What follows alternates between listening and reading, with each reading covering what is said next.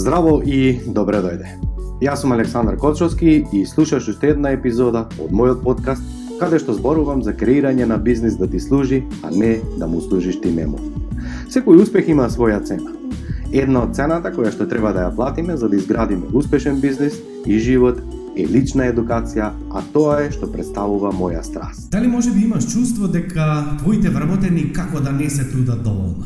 Може би имаш чувство како да не ти се лојални, може би не се трудат доволно, може би, еве, например, ти не си на работа и ако не ги контролираш, ако не ги гледаш што работаат, како работаат, имаш чувство дека не се трудат доволно, дека не се мотивирани, односно не е исто како кога ти ги наблюдуваш и ти си близко до нив. Епа, токму во оваа подкаст епизода, 13-та инаку поред, ќе зборуваме да видиме на што се должи сето ова и ќе разграничиме неколку работи, а кон крајот ќе ти дадам и еден пример од пракса што го имав неодамна, да видиш како едно откровение доби а, собственикот на, на тој бизнис, Исто така ќе ти дадам и уште еден пример како трансформација направи еден предприемач пред а, неколку само денови и ќе видиме дали на вистина се лојални, не се лојални и што треба да направиме од ова, се со цел нели ова го снимам за да ти помогнам да подобро ги решиш а, работите и токму мојата мисија и визија е нели да им помагам на предприемачите, односно на луѓето да го преобликуваат нивниот бизнис да им служи, а не тие да работат по цел ден, по цел ноќ и на некој начин да му станат жртва или да му служат нему. Значи, дали имаш чувство, рековме, дека не се трудат доволно или не ти се лојални. За да прогласиме некого дека не е лојален или дека не се труди доволно, сигурно дека имаме некоја а, некој а, причина, нели, добра причина зашто тоа би го рекле. Но на моје искуство од работа со голем број на предприемачи, како во минатото, така и ден денес, Секако се менуваа работите во минатото консалтинг, инхаус, денес преку коучинг еден на еден или мастермен програмите, небитно, но тоа повторно е интеракција и работа со предприемачи. Без разлика на кој еден начин сум соработувал или соработувам денес, она што упорно и постојано го забележувам е дека најчесто предприемачите лошо го идентификуваат проблемот кога ќе кажам лошо го идентификуваат проблемот, тука не мислам дека луѓето се неспособни, дека тие едноставно не знаат или далеко од тоа, туку само мислам дека недоволно посветуваат време како би го лоцирале и би го идентификувале проблемот на еден правилен начин. Пред неодамна, а, односно јануар месец беше, еден клиент дојде токму со овие зборови и вели Александар, а, имам чувство дека моите вработени не се лојални. Велам, окей, супер, а како знаеш дека не ти се лојални, односно што за тебе значи лојалност? Па вели, кога сум јас, таму се произведува по 20-30 парчиња, ајде сега еве да него откривам ликот, не е нели фер. Вели, кога јас сум во бизнисот, произведуваме 25 до 30 парчиња, А вели кога јас не сум тука, имам потреба, некогаш сум во друг град, некогаш сум на монтажа, некогаш на контрола, вели дека произведуваат одно, на половина, односно 15 на парчиња и тоа вели со зорт некако. Супер. Дури и некогаш кога ги гледам на камера, вели кога гледам дека ништо не работаат или има доста празни ходови, се движат, пијат кафе или не знам што, буквално вели се нервирам толку пари, толку капитал инвестирав и некако се неодговорни па нема нонстоп работа, кризни времиња се, сега треба да ја искористиме сезоната и стандардна процедура веќе се понатамо ти е јасно. Велам супер, окей, ја сватив поентата, не се задоволен од начинот на кој што функционираат со тебе и без тебе, но пред себе сакал да прашам колку вработени имате, и вели 9. Кам окей, од овие 9 дали се сите нелојални или некој, па вели и почна да размислува. Викам, окей, му размислуваш, значи се уште не можеш да се одлучиш, тогаш ајде кажи ми кои се со име и презиме твоите вработени. И работна позиција. И ова беше моментот на откровение. Четири, односно пет се извинувам, од неговите вработени беа синот, уштедниот син, а, сопругата, тој и а, внук од Чичко. Значи, цел половина фирма, семејство. Но супер, сега, кога свативме дека поголема број од фирмата ти се семејство и тоа тесно, близко семејство, дали вие имате семеен проблем дека семејството може би не ти е лојално или зборуваме за овие четири кои што останаа?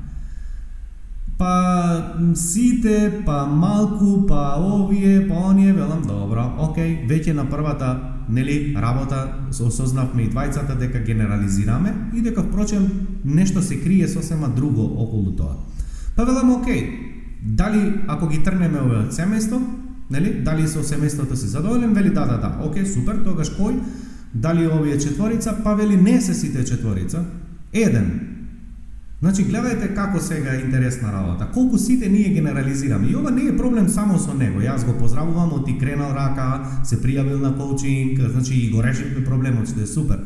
Овде се обраќам на луѓето кои што а, не, иако имаат проблеми, не бараат решение, па ајде преку оваа подкаст епизода да видиме дали едноставно можам барем на овој начин да ти помогнам. Значи, велам супер, сега кога свативме дека од 9 вработени, само со еден имаш предизвик – Дали се работи за лојалност или се работи за нешто друго? Па вели не, не се труди и до, значи веднаш свативме дека зборот лојалност го исклучуваме настрана од игра и зборуваме за нечива продуктивност, не со компетенција, неагилност, неефективност. Значи, не генерализираме, туку сега го идентификувавме проблемот дека и се работи само за едно лице. Супер.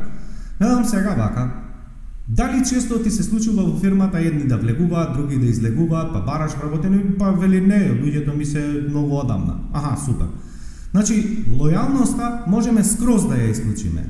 Па вели очигледно дека да. Супер.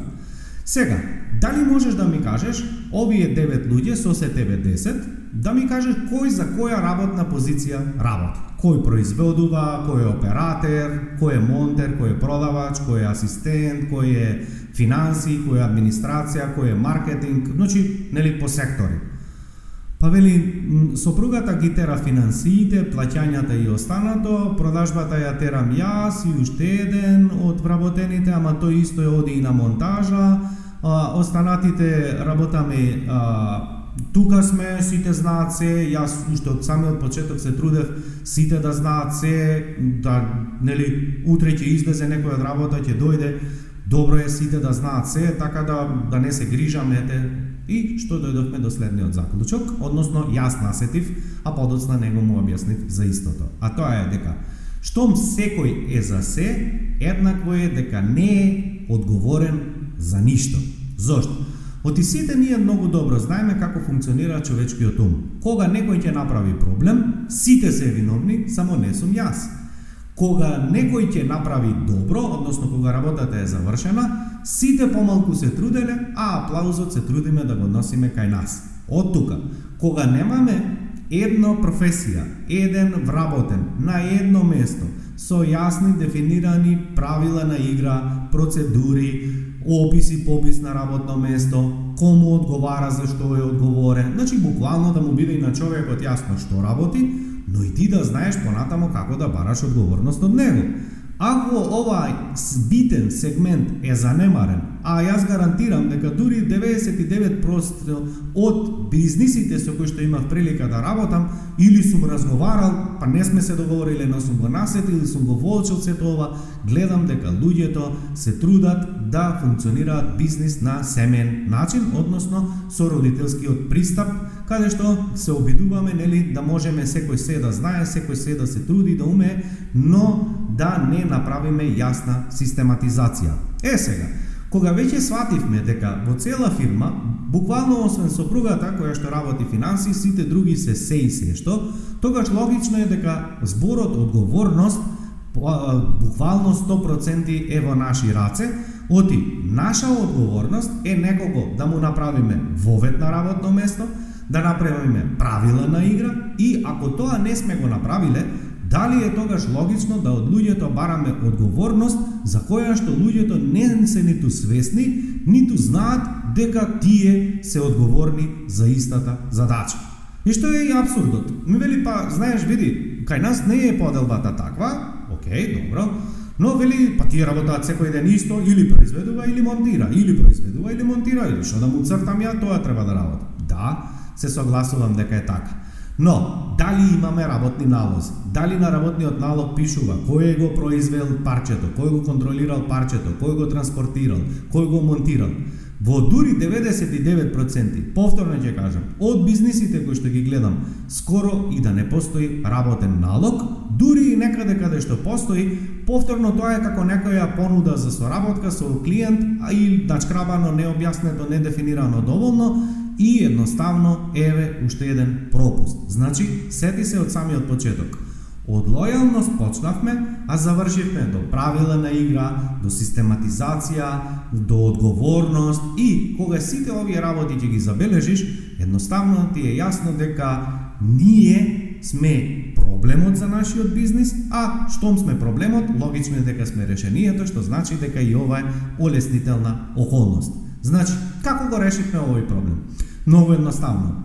Седнавме неколку коучинг сесии, направивме поделба на работните позиции, ми ги објасни човекот кои процеси содржат неговиот бизнис, зборувавме за тоа како да направи алокација на машините, алатите за да може да функционира тоа уште подобро и побрзо, да нема движења, шетање, она што го гледал на камера, го му правел нервоза, Дефиниравме одговорност на секоја една работна позиција, кој за што е работар, кој е оператор на машина X, тогаш неговата одговорност е да произведе единица парчиња во временски интервал на машина X и тој е одговорен за хигиената, за техничките, за техничката а, исправност, буквално нели за сите карактеристики што производителот ги опишува, но и интерните правила кои што ги дефинира нели собственикот, односно менеджментот. Она што го направивме е што најчесто луѓето не го прават, и измеривме интерно нормирано работно време, значи колку единици парчиња во кој временски интервал треба да се произведат,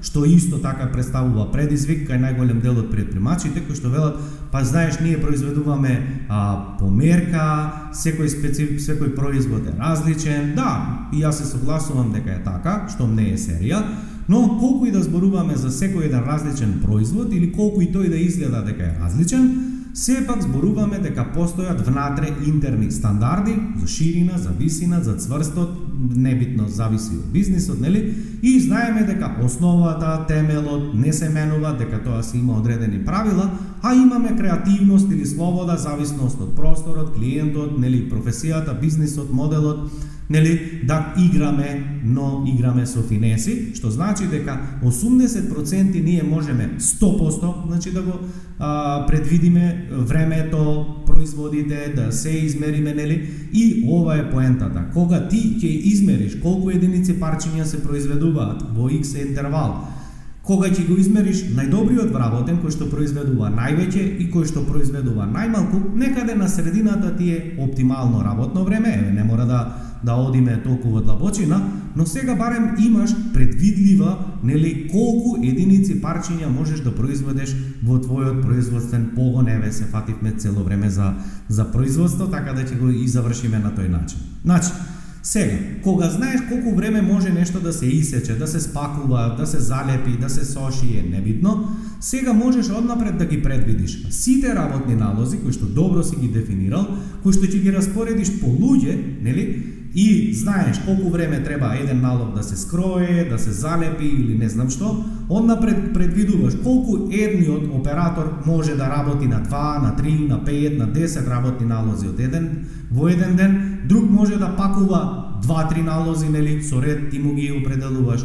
Временските интервали, односно распоредот се извинувам, и на тој начин сите има постојано работа, дури и монтажа ако имаш или испорака, и тие постојано, значи постојано се произведува, постојано се транспортира, постојано се и монтира, да кажам, нели?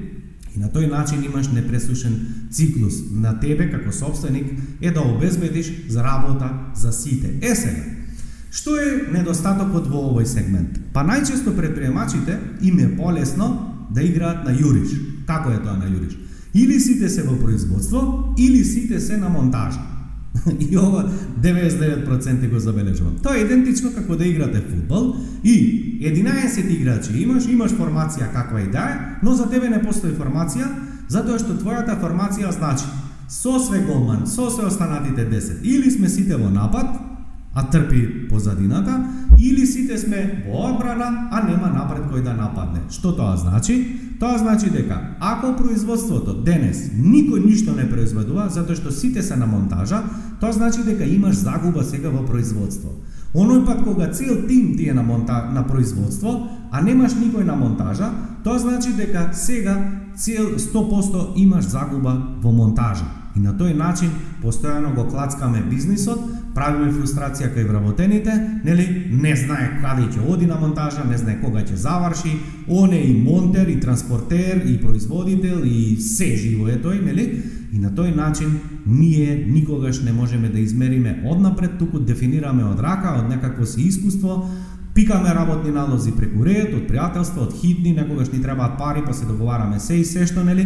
И на тој начин несвесно се создаваме хаос во собствениот бизнис, а се што требало е на почетокот да поставиме правила на игра, да ги поставиме прави луѓе на право место, зашто ќе зборувам во некоја друга подкаст епизода, колку е важно да секој човек биде на вистинско место, а не човек да го гураш а, нели, а, на некоја работна позиција затоа што ти мислиш дека е тоа окей и поентата е ти како собственик или ако имаш продажен тим цело време да ги храни подеднакво и да има работа за сите. И ова е откренението што човекот за месец дена буквално го посложи цел бизнис и она што е исто така е што најголем дел од предпремачите се во оператива Вработените не знаат кој му е газда, кој му е собственик, кој му е менаџер, кој му е директор, кој му е шеф, кој му е колега. И логично е дека кога ти по цел ден си со нив, они не можат да направат разлика колку ти да назначуваш не знам какви титули или чуда, колку да очекуваш од нив, затоа што ако ти си на монтажа со нив, ако ти си во производство со нив, ако ти си на продажни преговори со нив, они веќе не можат да ја најдат таа граница до каде им е мерата, односно индивидуално, емоционално или интелектуално колку се ти е способна или колку ти знаеш да поставиш некакви си граници, што значи дали е тоа вистински начин на бизнес или не е вистински начин на бизнес, апсолутно е фрустрација. Идентично ова го имав и пред неколку дена со еден предприемач за сосема различен бизнес, се работи за а, IT компанија, Каде што гледај сега, иако зборувавме предходно за производство, сега зборуваме за IT компанија, два различни типа на бизнеси и ќе речеш па ова е сосема различна приказна. Да, И јас се согласувам дека импутите и аутпутите се различни, односно, вамо се произведуваат, не знам, мебел, се произведуваат врати, прозори, ткаенина, а, козметика, не е битно што се произведува, а вамо се произведува софтвер, се произведува маркетинг, се произведува темплейти, подкасти, не битно што, што значи во секој еден бизнис имаш продажба, имаш маркетинг, имаш оператива и имаш администрација, во администрација правници, финанси, небитно. Значи, секој бизнис е идентичен. Она што во овој случај сега се работи за програмирање, тоа не значи дека луѓето или компанијата е нешто поразлична, тоа значи само дека внатре интерните операции не е лепење, сечење, кршење, пакување, туку е чукање на тастатура умствена работа, нели имаме физичка работа, чукање на тастатура и тоа е супер, но колку рековме и да се различни бизнисите, повторно доаѓаме до заклучок дека секој бизнис е идентичен, а тоа значи и дека во најголема мера и на ист начин може да се реши, што значи без разлика со што се бави твојот бизнис, ова видео и како или аудио зависи кај ме конзумираш, ќе ти послужи да го решиш твојот проблем. Што ми вели вработени овој собственикот на оваа компанија? Вели не знам како, но иако веќе не сум долго време во оператива, иако долго време веќе не се бавам со програмирање, туку со продажба, со работи и со останато, вели, постојано и постојано некако имам чувство да прегледам, да видам што работаат, како да работаат, оти најголем дел од луѓето работаат вели ремонт, односно не се во иста канцеларија, па сакам да видам што се случува, до каде е одреден, а, нели, одредена фаза од определен налог, што се работи за друг клиент, не сакам да ги изиграме, да не направиме грешка и сето тоа е логично и нормално. И му супер. Ајде сега едно прашање.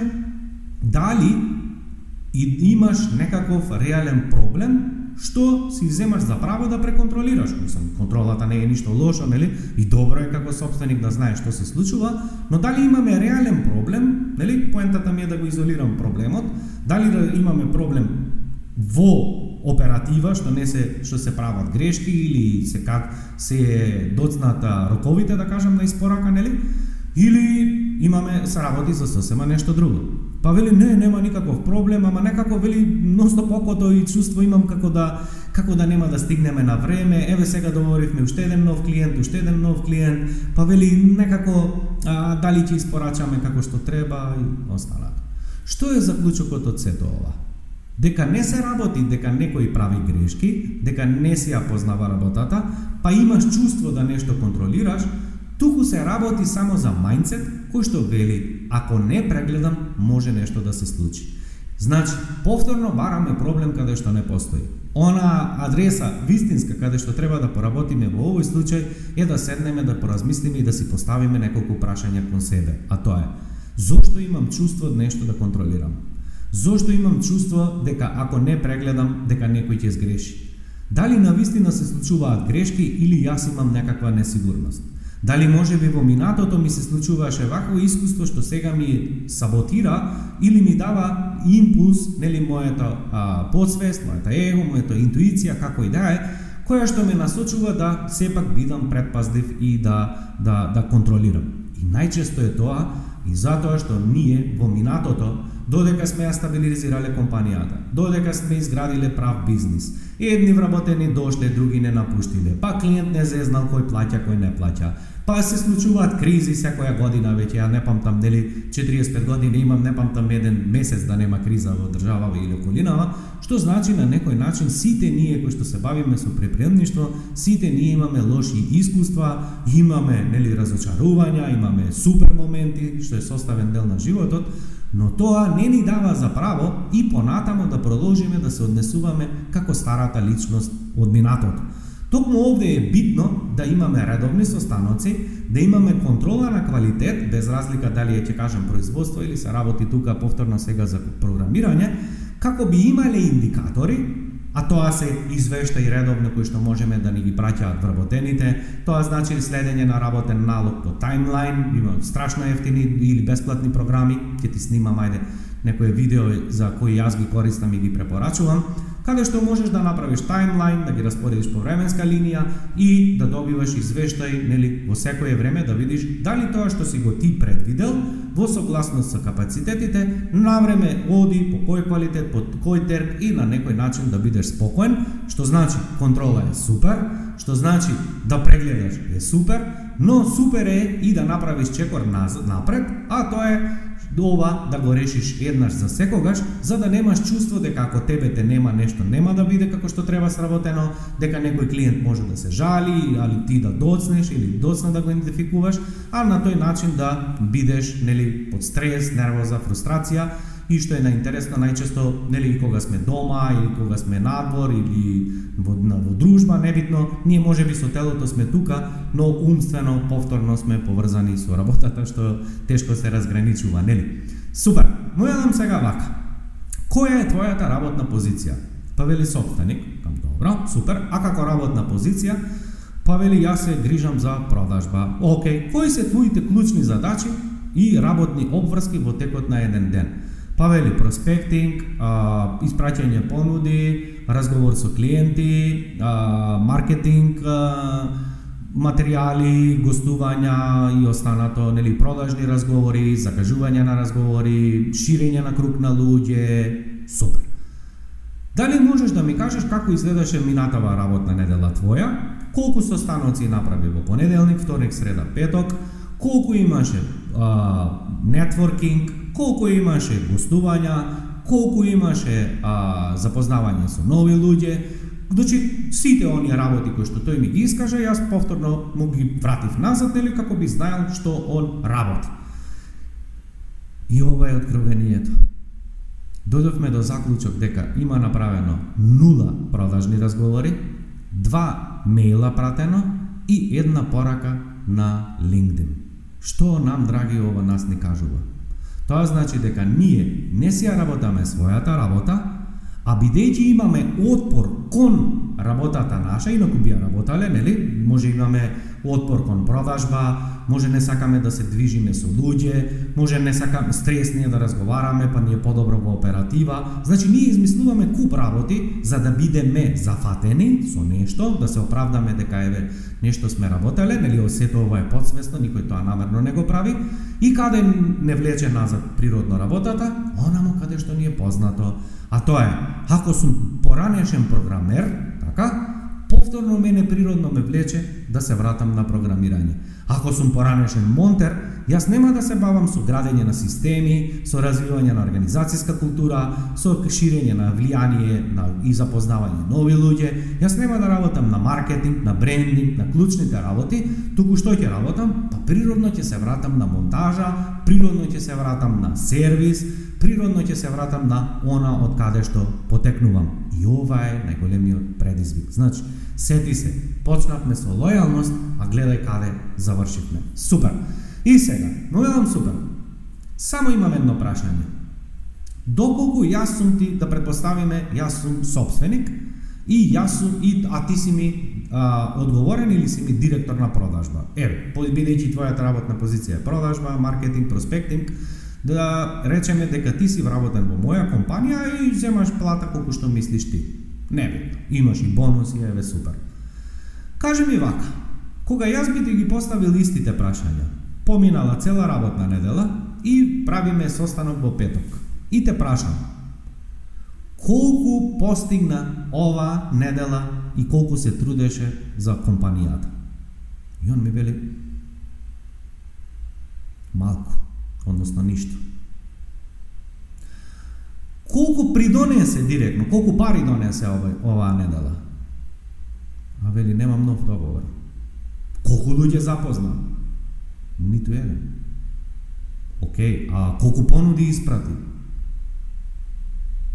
Една вели, ама знам дека и нема ни да ја прифатат, вели таа понуда. Кам добро, сега да си на моје место Ја ти плаќам. Ги имаш сите услови, имаш плата, имаш придонеси, имаш бонуси, имаш програма за лојалност, имаш свој автомобил еве од фирма, телефон од фирма, се живо имаш. Супер. Колку реално се тоа сега го заслужуваш? И он вика, ништо. Кам добро. Ајде ја доиграме приказната до крај. Односно играта. Велам, Да си на моје место, што ти би направил? Ти мене ме плаќаш, а јас ништо не испорачувам. Што е следно треба да направиме? Вели отказ. И се смееш. Знаете што е интересно? Самиот собственик си даде отказ на себе. И ова е моментот на вистината.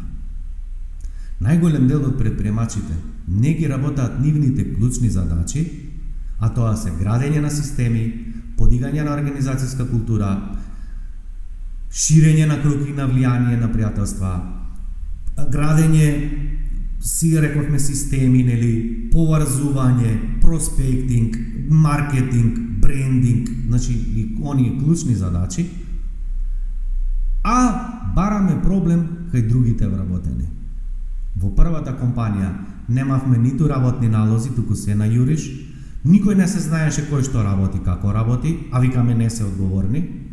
Во втората компанија имаме нула продажба, нула активности, а правиме контрола каде што не ни е место, што уште еднаш доаѓаме до заклучок дека најголем предизвик кај секој еден предприемач е што најчесто не ги работиме клучните задачи Генерализираме, сети се од 9 вработени, со се него 10, нели, сите беа нелојални, па испадна дека еден, усвари нито е еден, туку се жалеше за неговата а, слаба ангажираност, нели? И гледај каде завршивме во шума. Значи, нека биде ова наравоучение од оваа подкаст епизода, а тоа е секогаш кога некој проблем ти се врти подолго време во глава. А тоа секогаш ни се случува и колку повеќе ни се врти во глава, толку повеќе му даваме енергија и тој се зголемува. Но само поставе си го едно прашање. Дали овој проблем е реален или постои нешто што јас не гледам, а сум емотивно врзан за овој проблем? Дали може би имам неколку чекори наназад за кои што јас сум одговорен, а не ги гледам во овој момент? Секогаш, секогаш, секогаш, кога и да ми даде некој проблем да ми предочи кој што треба да го решиме. Никогаш не е тој вистински проблем. Кога некој ќе ми рече, не ми оди продажба, ја ќе го прашам, супер, а колку имаш продажни состаноци неделава? 1, 2, 3. Дали продажбата не му оди или може би закажување со состаноци? Ако нема со кого да закаже состаноци, што тоа значи? Или не запознава нови луѓе, или нема маркетинг. Значи, од продажба дојдовме до запознавање луѓе, препораки, проспектинг, закажување или маркетинг. Кога и да се враќаме на назад, секогаш ние ќе дојдеме до проблемот и решението, но најлесно нам ние луѓето да генерализираме оти мозокот на така функционира кај сите нас. Мозокот има задача, како и се во природа, да троши најмалку енергија.